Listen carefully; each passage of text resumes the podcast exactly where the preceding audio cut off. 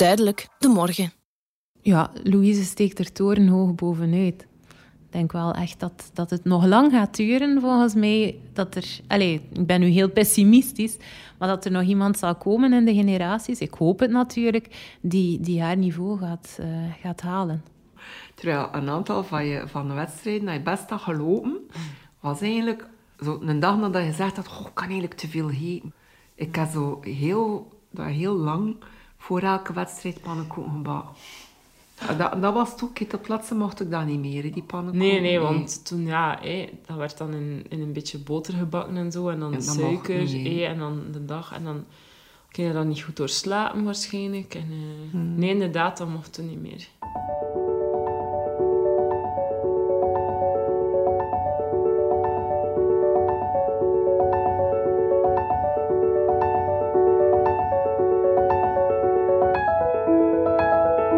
Gérard en ik. Louise Carton over eetstoornissen in de topsport. Een podcast van Dift Media en De Morgen. In opdracht van Sports DC.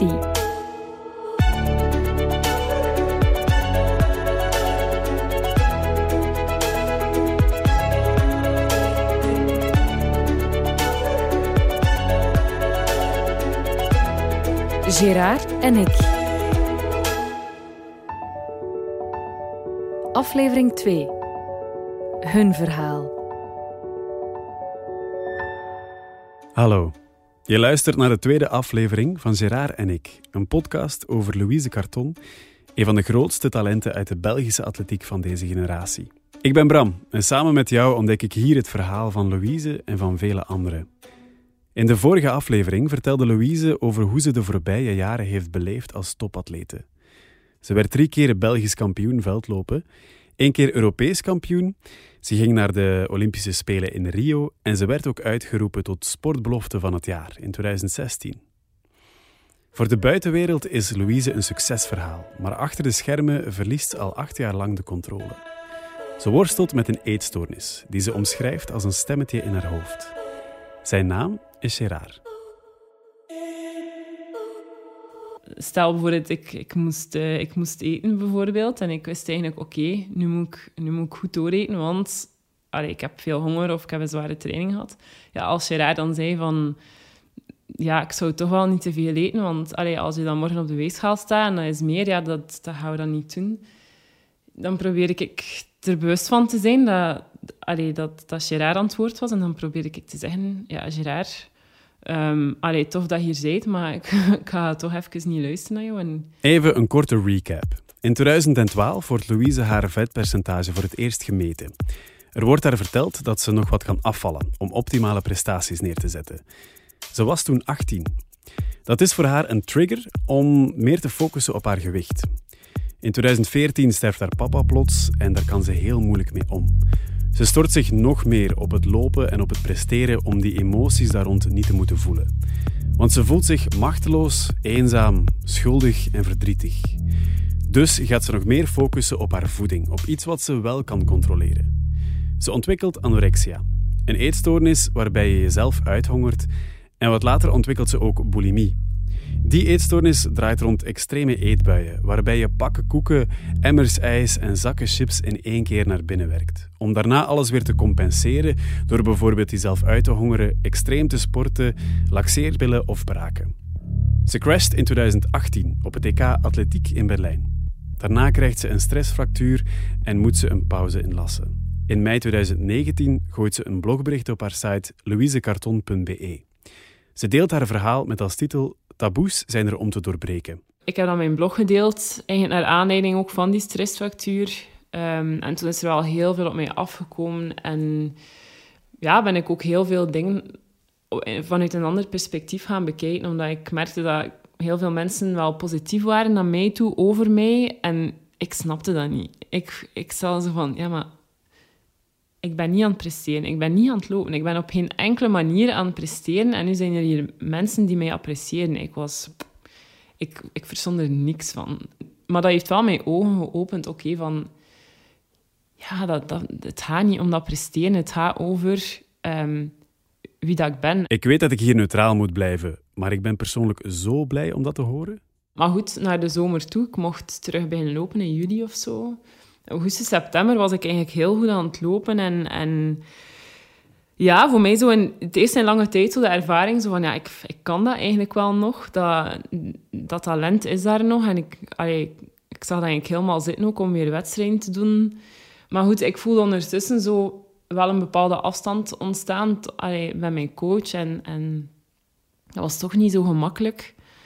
En ook op vlak, allee, met mijn eetstoornis bleef ik gewoon nog, nog vastzitten. Eigenlijk dezelfde patronen, die bleven eigenlijk in mijn hoofd hangen. Dus ehm, uiteindelijk heb ik dan een samenwerking met mijn coach stopgezet, wat dat wel heel moeilijk was als je al zes, zeven jaar heel persoonlijk contact hebt met iemand.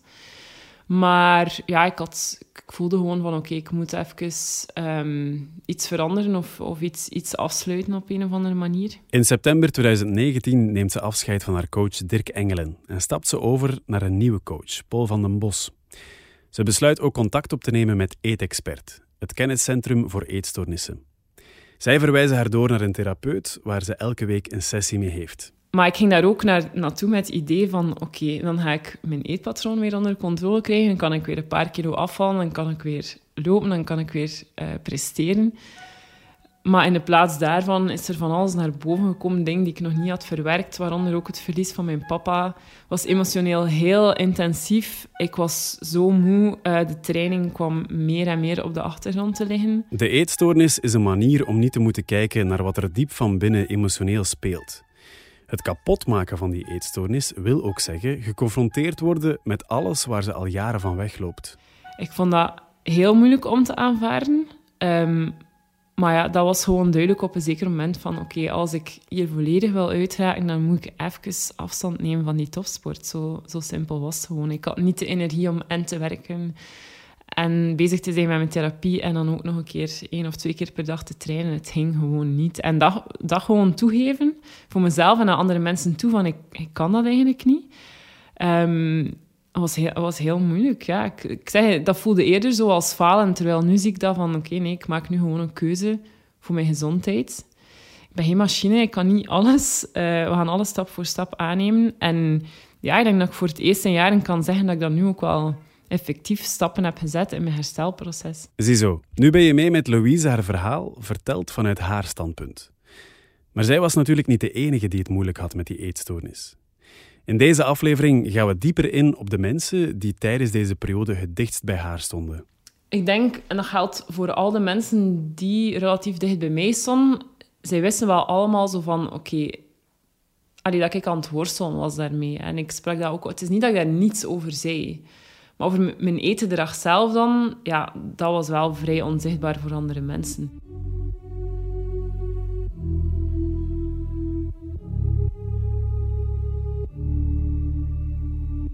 Hoe hebben zij de voorbije jaren beleefd?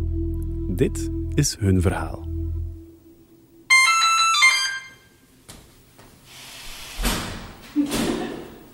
Hey. Ça va? Ja, ça va. Zeg, ik ben nu één iets vergeten. De wijn. Oh nee, als je dat. Ik ben Hanna van den Bussen. Ik ben uh, 33 jaar en ik ben een viertal jaar heel goed bevriend met, uh, met Louise. Um, ja, ik ben gepassioneerd ook door, door atletiek en lange afstandslopen. Um, mijn specialiteiten zijn vooral veldlopen en lange afstand, dus halve marathon en marathon. Ik moet zeggen dat ik altijd wel een beetje atypische loopster ben geweest. In het begin liep ik bijvoorbeeld op snoepykousen. Ik leende mijn clubtruitje van mijn trainer. Ik leende mijn spikes van mijn trainer. Ik had zo een, een lange, spannende turnbroek.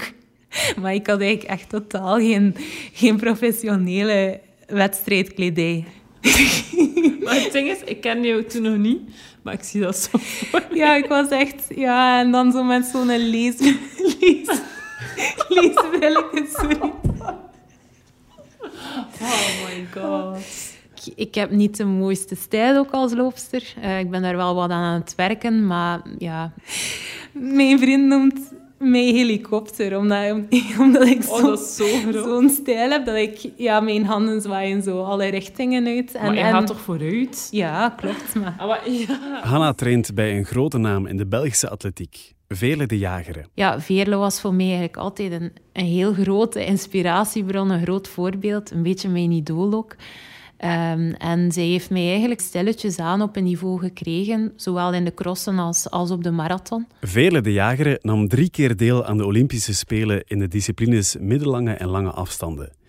Ze is ondertussen 47 en heeft al negen keer een Belgisch record verbroken. Maar toen kwam Louise Carton. Ik had een enorme bewondering voor haar. Ehm, nu, ik had dan ook wel mijn treinster die jarenlang aan de top stond en die dan ineens haar eerste plaats moest afstaan aan Louise. En wat daar enorm siert, vind ik, is haar, ja, haar bescheidenheid ook. Ehm, ik denk dat dat iemand is die, die echt niet nooit eigenlijk heeft uitgepakt met haar prestaties, maar voor heel veel atleten een inspiratiebron was. Ja, Louise steekt er torenhoog bovenuit.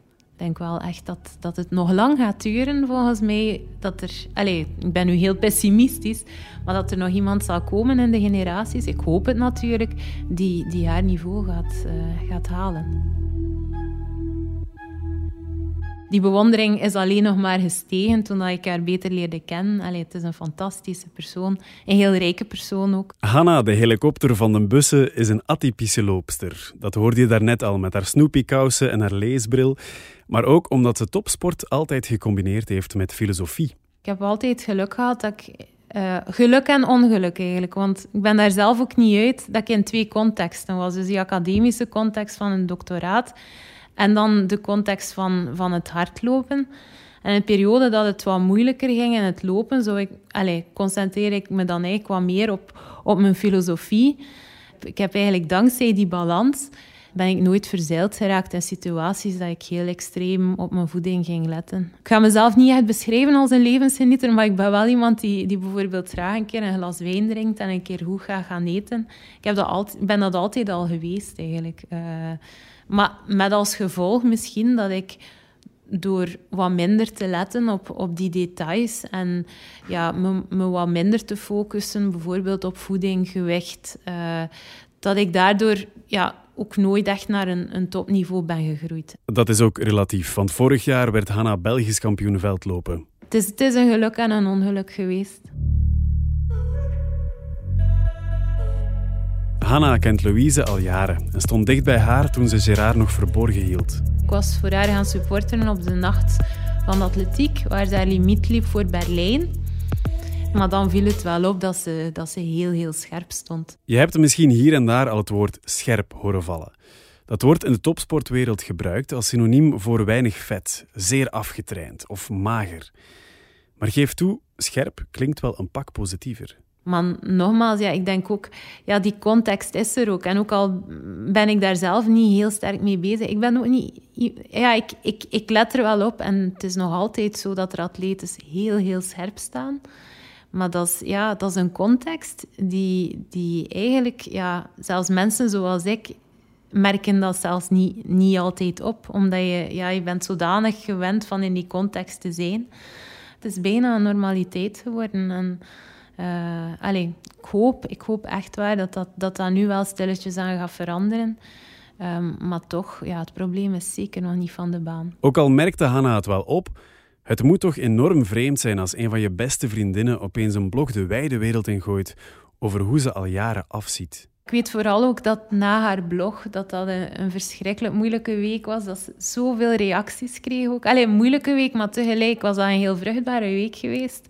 Dat, dat betekende wel iets ook. Allee, ze, ze had de moed gehad om iets naar buiten te brengen, maar ja, dat, dat is ook wel inderdaad voor haar, denk ik, en zeker in het begin, heel confronterend geweest. Er was wel iets waar Hanna absoluut niet mee akkoord was. Je, je gaf vooral jezelf wat de schuld, dat je dingen verborgen hield voor andere mensen. En daar, daar schrok ik wel van. Maar omdat ik zelf in mijn relatie met Louise altijd een enorme oprechtheid heb gezien. En ik denk ook toen dat die oprecht was. Maar dat is, ja, dat, zo'n, zo'n eetstoornis, dat is een soort verslaving. En ze had daar zelf ook geen controle over. Maar inderdaad, op het moment dat ik met die blog naar buiten kwam, um, nam ik dat wel echt volledig op mezelf. En allee, dan bedoel ik vooral van, het is mijn schuld ehm, dat ik die eetstoornis ontwikkeld heb. Het is mijn schuld um, dat ik niet meer heb kunnen presteren. Het is mijn schuld dat ik ongelukkig ben. En ja, nu weet ik ook, je, je kiest niet voor een eetstoornis. Allee, je kiest niet om daarin terecht te komen. Het is wel je eigen verantwoordelijkheid om er dan mee aan de slag te gaan en om eruit te geraken, maar ook daar gaat heel veel tijd over.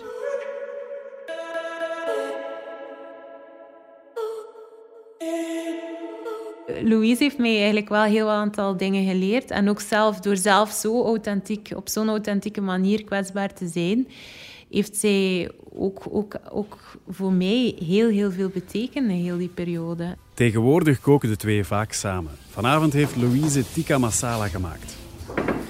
Allee.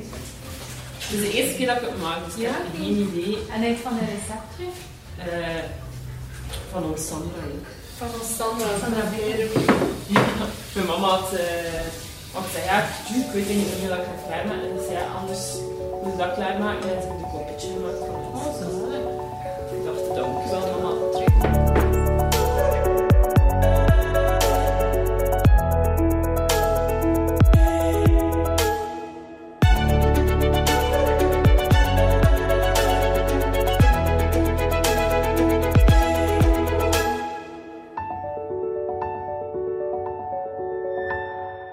En Louise zijn heel goede vriendinnen, maar blijkbaar kun je een eetstoornis ook best goed verbergen voor vrienden.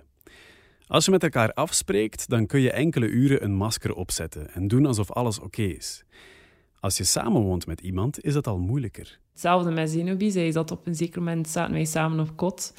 Ja, wij hadden allebei uh, issues en daar, ja, je pikt dan dingen van elkaar op. Niet in de positieve zin, niet altijd. En zeker als die persoon ook nog eens in diezelfde topsportwereld zit. Ik ben Zenobie van Gansbeke, 28 jaar. Ik woon in Gent. Uh, mijn hobby's waren tot een aantal weken geleden als hoofdhobby atletiek, maar daar ben ik nu uh, heb ik een stapje opzij gezet omdat het allemaal een beetje te veel werd. Ik ben gestart uh, met lopen rond mijn tien jaar ongeveer.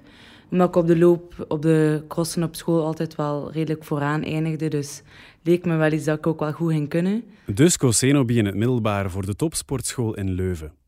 Haar disciplines zijn de middellange afstanden en veldlopen. Ze won al twee Belgische titels, kwalificeerde al zeven keer voor een EK en twee keer voor een WK. Louise en Zenobi hebben elkaar leren kennen omdat ze bij dezelfde trainer zaten. De twee kwamen zo goed overeen dat ze zijn gaan samenwonen in Leuven. Ja, een topperiode had, hè? Ja. We zijn super vaak naar de film geweest. Gewoon omdat we dan popcorn konden En chips. Ja, liefst al een lange film, dat was er pauze. Dan moest... Dan konden we nog een keer terug. Oh. Maar ja, Eigenlijk is dat niet grappig, hè? Maar... Ja, op dat moment... Eigenlijk is dat niet grappig, zegt Louise. En dat komt omdat ze toen al allebei een eetstoornis hadden. Ga, ik zou het een beetje kunnen zien als bulimie, denk ik. ik. Ik at gewoon alles, maar het enige verschil was dan wel... Ik nam geen laxeerpillen of zo, dat deed ik dan niet. Ik heb wel ook periodes gehad dat ik ook overgaf. Dus ja, ja dat wel bulimie ook een beetje beschrijft. Mijn mate iets eten, dat tot op heden ken ik dat nog altijd niet eigenlijk. Bij mij is echt gewoon altijd al geweest, ofwel is alles, ofwel is niks. Ik hoop dat dat wel ooit helemaal onder controle gaat, gaat geraken, maar ik heb daar ook al een beetje mijn twijfels over, want dat is nu toch al jaren eigenlijk. Ik ben in het vijfde middelbaar gestart op de topsportschool. En ik kan er nu geen exacte datum op plakken, maar ik denk wel dat het ongeveer rond die periode begonnen is, op internaat gegaan en dan... Maar bij mij was het eerder, ik, ik at gewoon superveel, maar doordat ik dan tussendoor vond van oké, ik heb overdag nu al zoveel koeken en snoepen en andere bucht eigenlijk in mijn lijf gestopt, waardoor dat ik s'avonds dan mijn hoofdmaaltijden gewoon niet meer at. Omdat ik al dacht van oké, ik heb al te veel calorieën vandaag ingenomen, dan moet ik s'avonds gewoon niet meer eten. Terwijl, ja, dat is totaal niet oké. En op dat moment wist ik dat ook wel dat dat niet oké was. Maar dat is gewoon sterker dan jezelf. En ook bij Zenobi waren de vetmetingen een trigger. Ik was ook super hard gefocust op mijn gewicht. Nog steeds eigenlijk. Uh, ik stond, of ik sta elke dag nog op de weegschaal. Ja, dat komt er ook niet direct bij, maar dan na een week zie ik dan van, oké, twee kilo bijgekomen. Oké, in mijn hoofd ben ik echt te flippen van, ik moet volgende week wedstrijd lopen. Dat gaat toch niet zo? En dat is ook al een beetje van vroeger, van topsportschool en zo, vetmetingen. Die weegschaal, dat gewicht, dat is er wel een beetje ja, in gedramd. Is misschien niet het juiste woord, maar het feit dat je in de vijfde en de zesde middelbaar wel op de weegschaal moet gaan staan, eh, allee, onderwaterwegingen hebt, vetmetingen hebt, ja, dan worden er wel een beetje opgelegd om dat in de gaten te houden van hoeveel weegde en blijft alles constant. Terwijl als je 16, 17, 18 jaar bent, zou je daar eigenlijk echt niet mogen mee bezig zijn. Je mocht straks die weegschaal aan meegeven. Ik ga hem meenemen en weggooien. dat is goed. ik, heb al meer dan, ik heb ondertussen bijna een jaar niet meer op de weegschaal staan.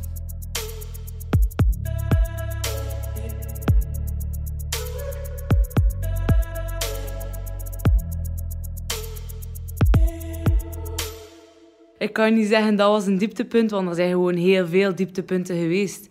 Maar ik denk toch, het moment dat je echt fret, en ik mag het ook wel zo zeggen, want dat was het op bepaalde momenten echt wel gewoon. En dan dat ik daarna op de wc ging hangen, omdat ik dacht, ik heb veel te... Want echt, er zijn echt momenten geweest dat ik at, dat ik op de weegschaal ging staan en dat ik dacht, oh my god, met zo'n gewicht kan ik echt niet gaan slapen, want dan ga ik morgenochtend opstaan, gaat het veel te hoog zijn. Dat ik het dan gewoon, oh, het groene dat kon eruit kotsen dan. En dat ik dan achteraf echt al dacht van, maar jong, wie dat is echt, echt, echt niet oké. En dat doet ook een belletje rinkelen bij Louise. Maar dat was, dat was in februari. Ja, ik ga dat nooit vergeten. Ik had ook echt ziek zware eerbui gehad, maar echt niet normaal. En ik weet niet, ik denk dat ik die afgelopen week zo... Ja, ik was dan ook zo in een boek aan het lezen over herstel, over eetstoornis. En daar hadden ze het ook, zo van, het is belangrijk om eerst te stoppen zo met laxeermiddelen te nemen en, en over te geven. En echt super ziek, maar ik dacht zo van ja, waarom heb ik eigenlijk nog nooit geprobeerd om over te maar, dus, maar ja, ik zit zo in een roes van die eetbuien en daarna zo... Ik weet niet, voordat ik het weet, eigenlijk boven dat toilet. Dat is echt... En oh. ik was zo... Maar het, het lukte mij zelfs niet. En ik voelde mij zo zelfs gefaald van... Fuck, ik kan, zelf, ik, kan, ik kan het zelfs gewoon niet overgeven. Hoe zwak is dat niet? En toen opeens was precies wat er iemand met zijn vingers schepte, kwam ik daar zo uit. En toen, ik ben zo ingestort op het toilet. Zo van what the fuck, what the fuck ben ik aan het doen? En dat was voor mij, ik was zo angstig omdat ik zoiets had van, oké, hier herken ik mezelf gewoon niet meer. niet meer in. Maar wat dan met de mensen rondom jou? Merken zij dan echt niks op? Ja, je hebt dan een eetbui, oké, dat normaliseert dan terug. Dat is dan terug een aantal weken goed.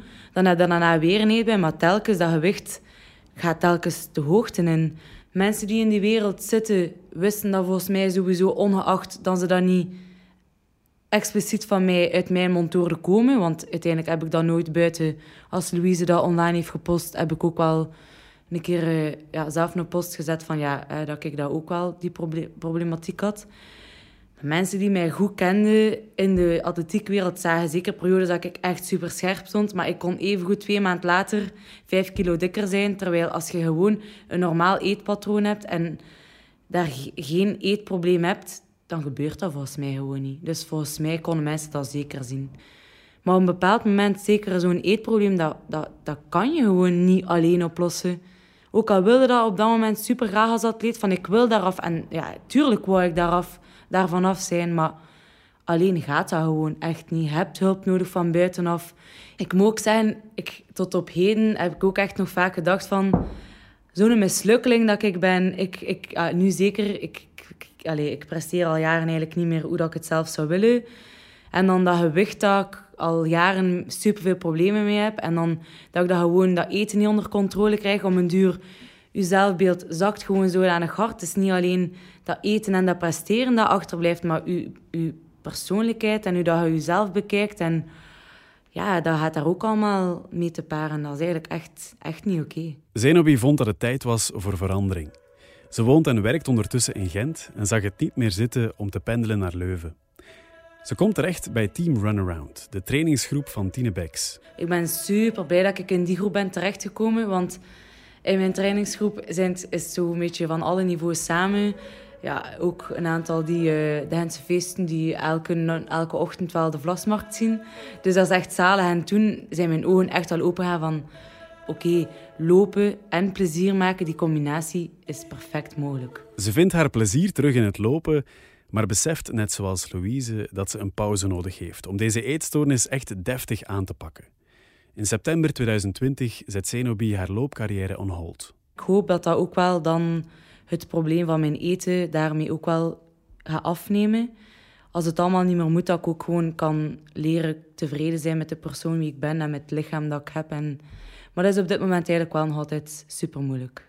En komt er een moment dat dat wel gaat terugkomen, dat ik echt een schema wil en misschien terug wat wedstrijden wil lopen? Misschien. Op dit moment denk ik eerder van niet dan wel. Maar dat gaan we wel zien. Maar ik heb gewoon beslist nu voor mezelf. Eerst volledig gelukkig worden, dingen doen waar ik echt gelukkig van word. En dan zie ik wel eh, wat en hoe.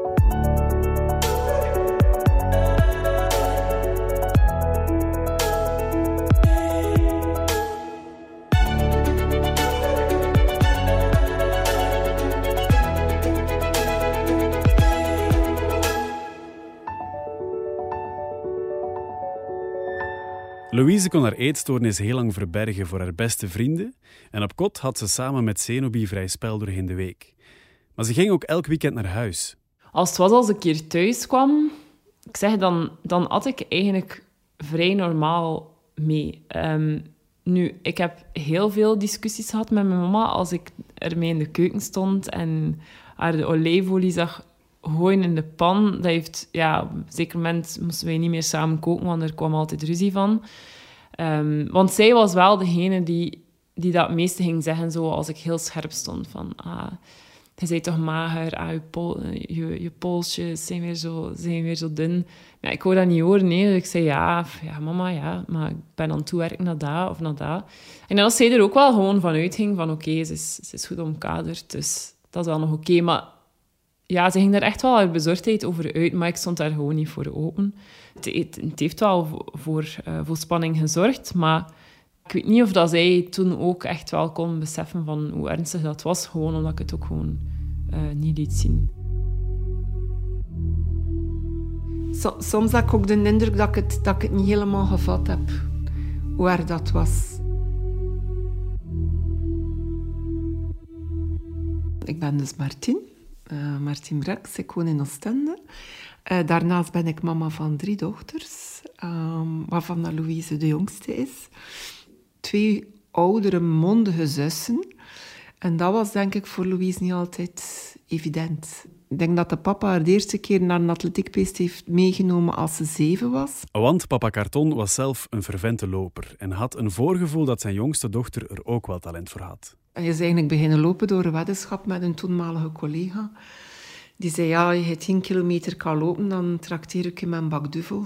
En dus voor zijn een bak duvel, want dat schemaatje is zo lang in, dat, in een bakje gezeten. Zo. Ik heb dat papiertje heel lang bewaard. Ik denk dat ik het zelfs nog heb. Maar die was dus de laatste jaren echt wel heel veel met lopen bezig. En papa Carton, zijn voorgevoel, zat juist. Ik denk dat ze negen was of tien. Als de toenmalige treinster kwam vragen of dat oké was als ze met de oudere kinderen ging meetrainen. Want ze ze kan ze niks meer bijbrengen, ze zal, er, ze zal beter evolueren uh, als ze met de groep um, erboven traint. Dus zo is dat eigenlijk aan de gang gegaan. Al snel werd Louise gescout door de VAL, de Vlaamse Atletiek Liga. Ze mocht mee op loopstage naar Vitel in Frankrijk, maar haar toenmalige trainster van de atletiekclub van Oostende was daar niet mee gediend. Het principe van de atletiekclub is wij ontdekken het talent, wij stomen ze klaar en jullie nemen ze dan af. En de toenmalige trainster wou absoluut niet overleggen met, met een van die nationale trainers. Als je allemaal het welzijn van een atleet voor ogen hebt, praat dan met elkaar. Ik weet dat wij die man toen een keer zagen, dat is uiteindelijk dan naar een trainer geworden wel. Want uiteindelijk had zij aan, in, in Vitel had zij gezegd tegen hem van ik heb een vraag. En die man had dat blijven zeggen van ik heb dat nog nooit meegemaakt dat een 16-jarige met pen en papier afkomt met vragen over lopen. En dat is dus Louise, dat is, is heel intelligent, die leert heel snel. En uh, die wou dus van alles weten over dat lopen. En die had zelf door hoe dat ik train staat eigenlijk mijlenver van hoe dat daar nationaal getraind wordt. En dan uiteindelijk de, de zomer dan erop. Louise trainde heel hard en ze kon dat niet omzetten in winst. En ehm, ja, toen heb ik gewoon mijn stoute schoenen aangetrokken en gebeld naar die Dirk Engelen en gezegd van kijk, Art Reinster zegt dat zij een mentaal probleem heeft. Weet jij hoe dat we dat moeten oplossen als, als ouder?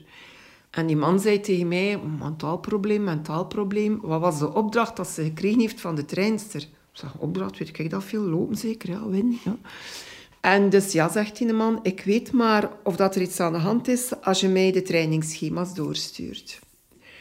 En toen heeft die man gereageerd als zij alles aftraint wat er in die schema's staat, dan kan dat niet anders dan zij op een wedstrijd nooit wint.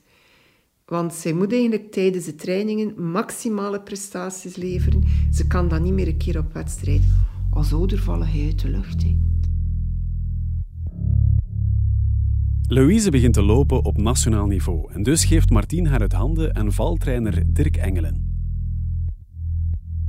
Wat hij goed vond aan mij, is dat ik in mijn mama-rol bleef. Dus ik moeide mij niet met trainingsschema's, met, met hoe zwaar dat ze moesten trainen. En toen zag ik wel dat ze begon enorm af te vallen ook. Ze is dan in Leuven gaan studeren. Hij zei van, kijk, als je nou dus in Leuven mag studeren, we hebben hier een, uh, een beloftenwerking. Uh, ja. Dus hij heeft weer het volle vertrouwen in iemand. Dan denk je van oké, dat is een valtrainer. Het was daar nog iemand, nog een valtrainer. Dus denk je van oké, nu wordt ze heel goed omringd.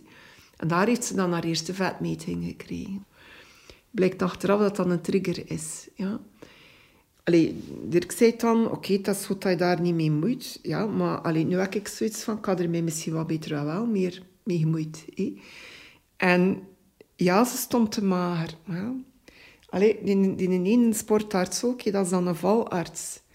Ik zei tegen haar, hey, als je ze zo dikwijls haar bloed laten laat ik je hormonen na. Ik dacht van, hé, ja, er is nog activiteit. Oké, okay, er is nog hormonale activiteit. Dan denk ik, ja, dat hoop ik wel. En ik weet wel, zo van, van die weken, als ze kwam dan af, je zag dat ze, je zag dat ze het moeilijk had. Ze was ook dikwijls moe van heel de week te trainen. Moest ik hier dan nog een keer over die voeding beginnen. Ja, wat ik natuurlijk wel gemerkt heb, dat is dat zij altijd maar magerder werd. En als je dan in de badkamer stond, dan zei ik, maar Louise, ik kan piano spelen op de wervels van uw ruggengraat. Dat klopt toch niet? Ja, en dan zat ze al in het stadium dat ze kwaad was dat ik dat zei. En dan ja, ging ik gaan kijken naar de wedstrijd en dan zag je dat licht uitging.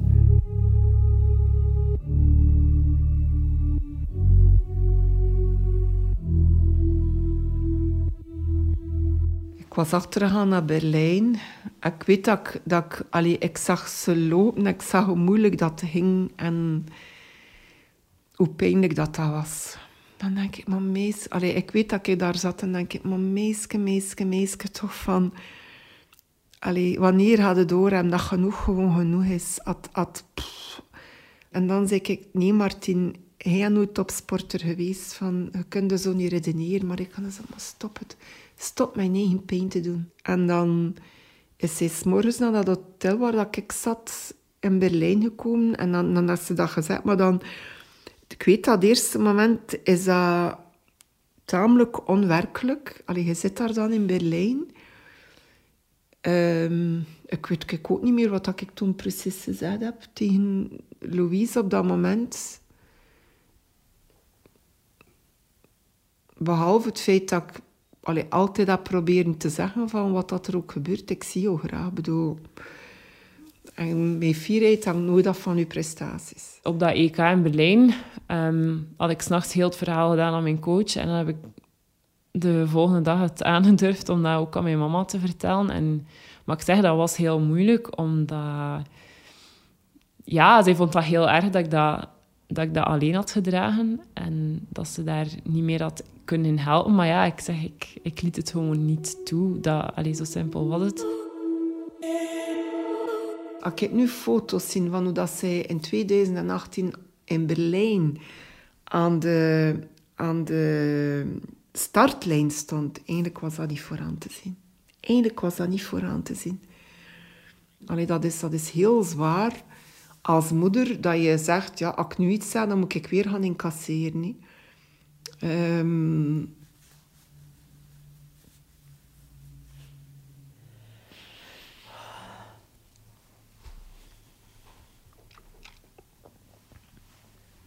Dus het enige dat ik kan doen is proberen te zijn. En ehm allee, daar heb ik me absoluut niet, niet gesteund gevoeld. Op geen enkel moment. En je voelt dat wel, die spanning, maar je wil er als moeder zijn, liefdevol. Dus wat doe je? Je zegt er niks over. Dus je zwijgt en dan... dan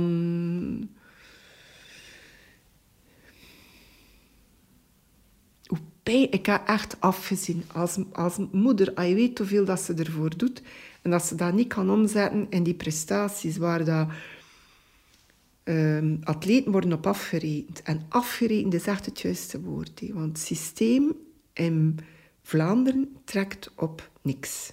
Het trekt op niks. De druk is enorm groot. Dus wat doet ze als 20-jarige? Dat ze een tijd lopen op de 5000, waardoor dat ze mee mag naar Rio. Ze krijgt een contract bij Sport Vlaanderen. Hey, dat financieel niet zoveel veel voorstelt, maar ze krijgt dat contract. Ja. En de doelstellingen die daaraan worden vastgehangen, zijn gewoon onrealistisch.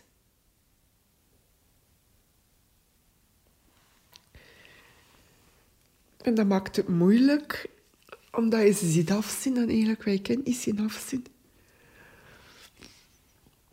Maar dat is als ouder heel moeilijk en ik heb me daar ook heel alleen in gevoeld, in de zin dat ik soms... Ja, ik naar boven kijk, naar haar vader en zeg, zeg, kartonsje, ik sta hier, ik sta hier weer alleen voor mij. Um, of dat ik zei zo van, allee Jan, kom aan, toont dan de weg aan je dochter, maar... Allee, geeft ze dan het signaal dat dat oké is, dat ze goed ook al zei hij er niet meer, maar doet dan toch het wat.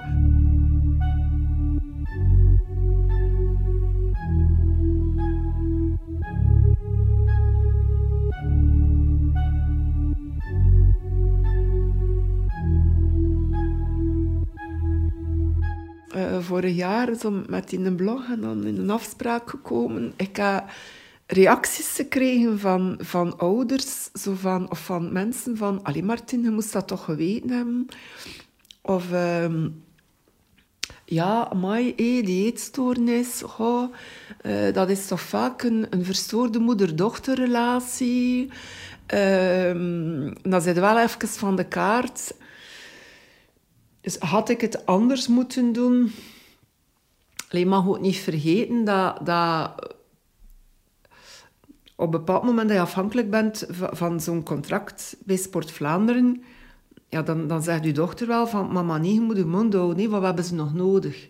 En dat is het probleem, je hebt ze nog nodig.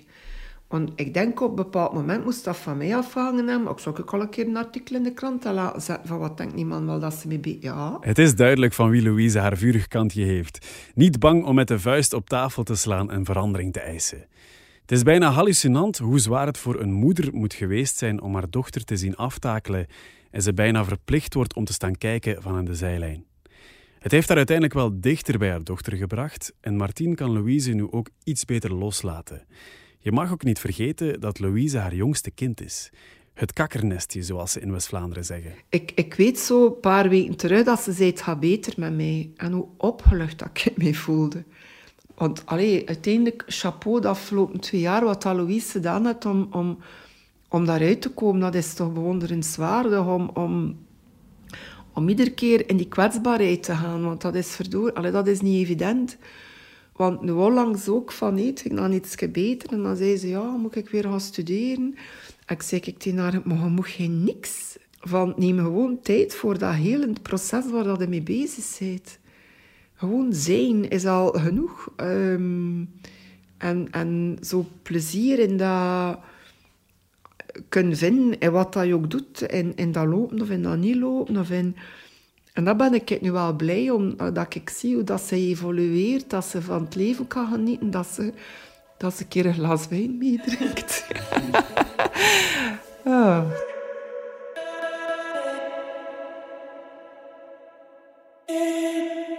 Moet ik het nog wat zeggen? Ça va, meisje? Ja. Ja. Allee, weet je wel, als ik dat dan hoor, is dat... Allee, ik vind dat ook pijnlijk, hè, om, om, om meer inderdaad te moeten beseffen hoe moeilijk dat, dat voor mama ook is geweest. Hè. Maar het is geen makkelijke weg dat je gekozen hebt. Nee. Sorry, hè. Nou, mocht je sorry zijn tegen mij, Louise, kom aan. Het is, ja, ja. Oh. Oh, dat is. Hey, Jeeta, we zijn er twee. Ja. Mhm. Maar je zit toch op goede weg. Hè? Jij hebt nu heel duidelijk uit Martien haar mond gehoord wat er is fout gelopen in de Vlaamse topsportwereld de afgelopen jaren. En hoe machteloos je je daardoor kunt voelen als ouder. Maar wat moet nu concreet veranderen? Hetgeen dat ik wel fijn zou vinden, is door wat dat Louise doet, dat ze zou kunnen maken dat, ouders eerder wat tips krijgen of durven signalen ja, opmerken en dat ook meegeven. Waardoor dat ik misschien de afgelopen zes jaar misschien nog alerter aan moeten zijn na een coach en zo. Ook al denk ik dat die mens dat vanuit de meest positieve intenties met daar gewerkt heeft, maar daar toch ook fouten heeft gemaakt. De naam Dirk Engelen is in deze aflevering al enkele keren gevallen. Hij was de coach van Louise tijdens deze zware periode in haar leven. De functie van een coach is om een atleet technisch op een hoger niveau te brengen. Maar je kunt er niet omheen dat hij of zij een grote verantwoordelijkheid draagt voor het welzijn van een atleet. Dirk was ook de coach van Zenobi. Het heeft ook heel lang geduurd eer dat ik dat heb durven zeggen, dat, er, dat ik echt ook wel dacht dat er iets aan de hand was. Ik heb hem toen ook gewoon via een berichtje laten weten, omdat op dat moment wisten ook gewoon niet veel mensen. Ja, dat is ook iets niet dat je af de daken roept, dat je ja, pakken koeken eet wanneer op je normale maaltijden. En toen had hij wel ook zelf wat eh, research gedaan op internet en waren we ook wel eh, erop gekomen dat het ja, bulimie of ik weet niet juist wat we op dat moment dachten dat was. Maar voor zover ik me kan herinneren, hebben we daar verder ook niet aangepakt. Er was ooit wel, als ik naar het WK Cross ben geweest, eh, weet ik kan me wel echt nog, ook, ik kan nog die plaats ook nog super goed herinneren, dat hij ook al zei, dat was een super goede training geweest, dat hij ook al zei van oké, het gaat super goed, maar ik zie dat je nu wel echt super scherp staat, dus nu moet je echt niet meer afvallen. Dus ik denk ook wel dat hij dat wel zag, de momenten dat ik echt scherp stond, maar wat hij mij daarop aansprak, of als hij dan zag dat ik bij was bijgekomen, eigenlijk niet echt. Terwijl op dat moment, ja, ik was ook nog een jonge atleet, vind ik ook wel dat hij daar wel wat meer mag, allee, niet alleen naar Dirk, maar gewoon in het algemeen, mag meer gestuurd worden als, als trainers zien van oké, het gaat echt niet de goede kant uit met mijn atleet, moeten die gewoon ingrijpen. Ik denk dat het belangrijk is dat je dan ehm, als coach, of stel nu dat dat een ouder is, of, of iemand, of de sportarts, als je zelf inderdaad op punt komt dat je eigenlijk zegt van hier weet ik niet genoeg van af, ik ben geen expert op dit gebied, dan vind ik dat je ook moet, moet kunnen dat doorspelen naar iemand die er wel veel over weet. Ik moet ook zeggen, ik ben veranderd van trainer gewoon omwille van praktische redenen. Maar ik heb ook gewoon iemand nodig die mij dicht van dichtbij kan ondersteunen en helpen. En op dat moment kon Dirk dat ook niet meer. We hebben dat ook in samenspraak beslist om dat stop te zetten. Ik heb daar nog altijd wel wat hartzeer van, ik geef dat eerlijk toe. Want moest ik Ja, ik niet... mis die ook. Ja, moest ik niet die keuze gehad, alleen die keuze gemaakt om naar hen te komen, denk ik dat ik ook wel nog steeds onder hem liep. Want als trainer, ja, denk ik, die is gewoon, allee, dat is gewoon echt een toptrainer in mijn ogen nog steeds. Maar hij heeft inderdaad... Ik kan niet zeggen dat hij iets verkeerd gedaan of gezegd heeft. Dat is ook totaal mijn punt niet. Maar als er niemand van in, in dat team rond ons een keer durft onder ogen te zien dat er een probleem is, ja, wanneer gaat er dan iets veranderen? Dat is, dat is mijn ver- frustratie en niet hemzelf. We vinden het belangrijk dat alle stemmen hier aan bod komen en dat ook Dirk zijn kant van het verhaal kan vertellen. Om bepaalde gebeurtenissen is vanuit zijn standpunt te bekijken. We hebben hem de vraag gesteld om aan deze podcast mee te werken en daar ging hij initieel op in, maar enkele dagen later heeft hij aan Louise laten weten dat hij dat eigenlijk niet ziet zitten. Ik, ik hoop dat iedereen die met Louise in contact geweest is, ergens zegt van, allee, wat leren we eruit? En stelt dat ik weer een atleet heb, wat ga ik de volgende keer anders aanpakken? Eigenlijk komt het erop neer dat er zoveel facetten zijn aan atleet zijn. Het is het fysische, het zijn de trainingen, maar het is ook mentale. Dan vind ik dat vanuit de val heel dat spectrum aan mensen die iets kunnen doen, moet beschikbaar gesteld worden. Wat, wat gebeurt er nu? Elke atleet moet op zijn manier op zoek naar al die verschillende aspecten die er zouden kunnen toe bijdragen dat hij gewoon een volledig atleet wordt. Ik ken zo die, die afgelopen jaren soms een keer het idee had van zo voor Louise, maar al hetgeen die daar rondhing aan die contracten, dat weet ik allemaal. Goh, weet je, het had misschien beter geweest als ze net, net iets minder goed had gelopen. Dat je dan gewoon een toffe, recreatieve loper geweest zijn, hier en daar een crossje mee of een stratenloop. Maar nee, ze was zo net iets beter dan. Dan denk ik, verdorie, weet je wel...